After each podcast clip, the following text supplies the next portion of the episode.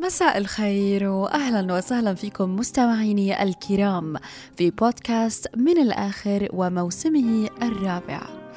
في بداية الحلقة خليني أرحب لجميع مستمعينا الكرام في المملكة العربية السعودية. ولله الحمد بودكاست من الآخر الآن ترندنج في المملكة العربية ومن ال top five بشكركم. نفر نفر. وأكيد إلى جميع مستمعيني الكرام في الإمارات العربية المتحدة مصر العراق الأردن المملكة المتحدة وأمريكا الجنوبية. مبسوطة في حضوركم معي وفي تتبعكم للحلقات أول بأول. وبتمنى أن أكون دائما عند حسن ظنكم. طيب خلينا ندخل في قضية اليوم على السريع. وملف الجريمة المرجعي هو رقم أربعة واحد تسعة واحد أربعة. أي الحلقة الرابعة في سنة 1914 قصة اليوم هي من روائع القصص البوليسية واللي فيها من العبرة والموعظة. يمكن قصة اليوم تخليك تتوقف أمام عظمة الخالق وعدله. وبعيدا عن العالم الغربي وقصصه راح أخذكم اليوم إلى عالمنا وقصصنا في الشرق الأوسط وتحديدا في بلاد الرافدين العراق. وتحاكوا كتير الناس في قصة اليوم ولسنين طويلة. منهم من شعر بالسعادة والراحة بعظمة رب العالمين وعدله ومنهم من اتعظ وخشي مكر الله. قصة اليوم دارت أحداثها في بغداد وتحديدا قبل الحرب العالمية الأولى يعني بين 1914 إلى غاية 1918 وشخصية اليوم رح أطلق عليها اسم التاجر المسالم. قصتنا اليوم هي عن تاجر معروف نوعا ما بين أحياء بغداد. تاجر متوسط الثراء وكان بيعمل بشراء الأبقار من العراق أو من إيران ومن بعدها بيسافر فيهم في سبيل التجارة هو ورجاله. مرحلة لمرحلة حتى يوصلوا إلى سوريا ولبنان. وأوقات كثيرة كانوا بيوصلوا لمصر لحتى يبيع ما يملك من الأبقار. ومن بعد إتمام التجارة كان بيشتري بثمنها أقمشة ومصنوعات أخرى وبيرجع فيها للعراق. التاجر المسالم كان عن جد مسالما. قواما صواما منفقا على الفقراء قائما بواجباته عند ربه وعند الناس تقيا نقيا. ماله ليس له وحده بل للمحتاجين من أقربائه وأهل بلده ولكل فقير محتاج. وفي إحدى سفراته بتجارته وزي ما ذكرت في أول الحلقة قبل الحرب العالمية الأولى. نزل تلج كتير في هذه الأوقات فسد الطريق وقتل الأعشاب. ومع الأسف ماتت أبقار جميعها ما عدا أربعة. فقرر بأنه يتخلى عن رجاله بما أنه ما عنده القدرة على البيع ولا على إعطائهم حق تعبهم. فضل يتنقل بأبقاره من مكان إلى آخر. وعلى نية وفي نية أن يصل إلى حلب الشهباء. ليتخلص ما عليه من ديون حسب طاقته ويطلب تأجيل ما تبقى عليه من الديون لغاية العام القادم. لأنه بحسب الأحوال الجوية تجارته في هاي السنة ما كانت ميسرة. بس كان دائما يردد. لا حول ولا قوة لي إلا بالله. إن مع العسر يسرا. وفي مساء ذات يوم من الأيام وصل إلى قرية صغيرة في طريقه من الموصل الحدباء إلى حلب الشهباء. دق على باب من أبواب بيوتها. فلما طلع له صاحب البيت قال له مرحبا. أنا التاجر المسالم. أنا ضيف الله. ومن بعد إذنك إذا بتسمح لي أبيت ليلة في بيتكم. ولما يطلع الصبح رح أسافر لقرية أخرى. وفي هداك الوقت والزمن ما كان في فنادق للزوار يبيتوا فيها ولا في مطاعم يتناولوا فيها الغرباء طعامهم.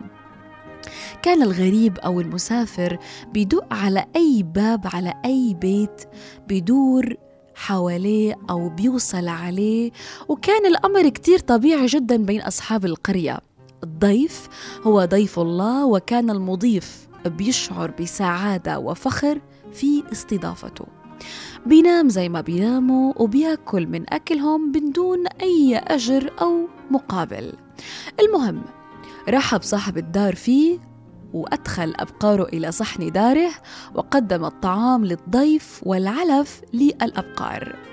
كان صاحب البيت معدما وكان قد أصابه ما أصابه الناس من جراءه طول الثلج بكثرة ولمدة طويلة.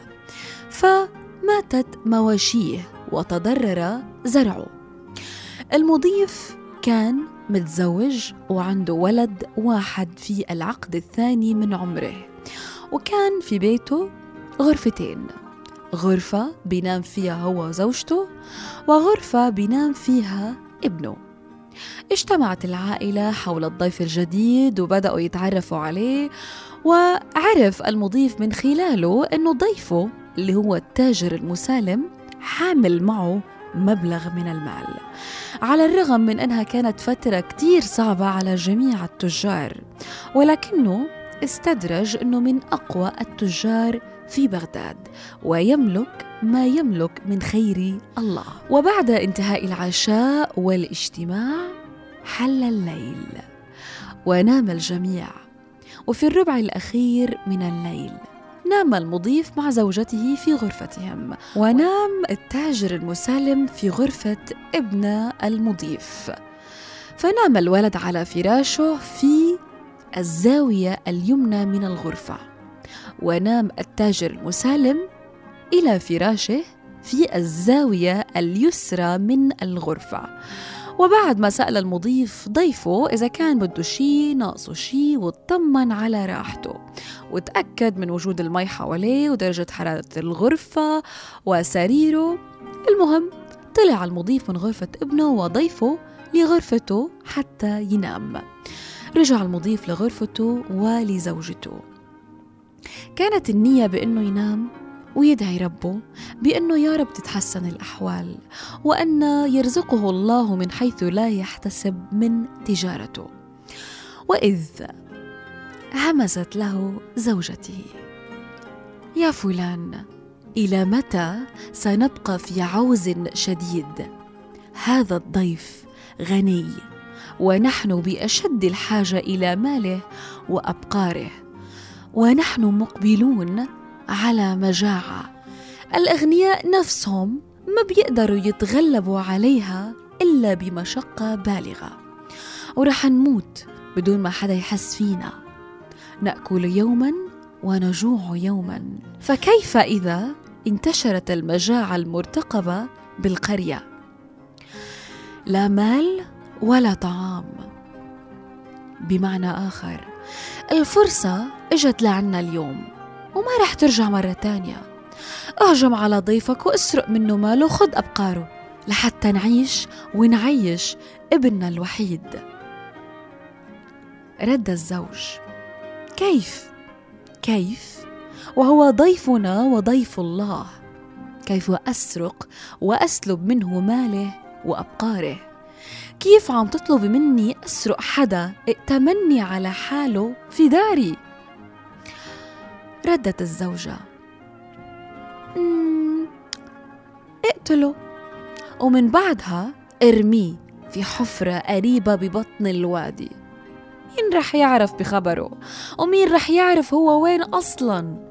هو تاجر وبيتنقل كتير. خلينا نغتنم الفرصة على السريع ونعيش. تردد الزوج وألحت المرأة. وكان الشيطان ثالثهما فزين للرجل قول امرأته واقتنع بكلامها وصار مصر هو كمان. فاتخذ قرار الجريمة وعشان ما يتراجع بقراره ضلت تلاحق فيه وقالت له حبيبي اللي عم تعمله مش حرام انت عم تحيي نفس انت عم تحييني أنا وابني وعم تحيي نفسك. هو وحيد لا والد ولا ولد. والضرورات تبيح المحرمات.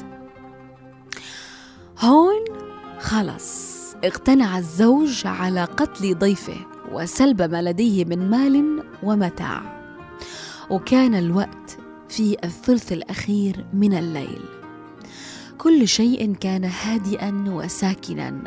كانت الأنوار مطفية ما كان في غير السراج الموقد بالزيت. طلع الزوج خنجره وطلع على غرفة ابنه والضيف ومن وراه زوجته عم بتشجعه. قعد يمشي شوي شوي وعلى رؤوس أصابعه ووجه رأسه نحو الزاوية اليسرى من الغرفة على حسب إقامة الضيف.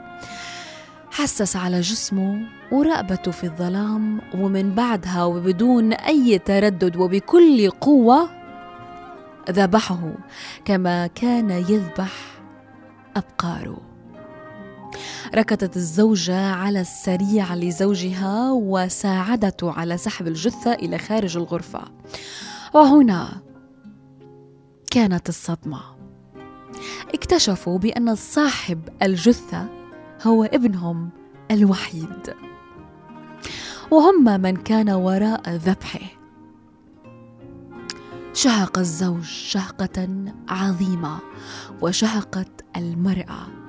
وقعوا الاثنين من الصدمة وأغمى عليهم وعلى صوت الشهقات والصرخات. استيقظ التاجر المسالم واستيقظ الجيران والجميع. وإذ بجثة ابن المضيف على الأرض مذبوحة.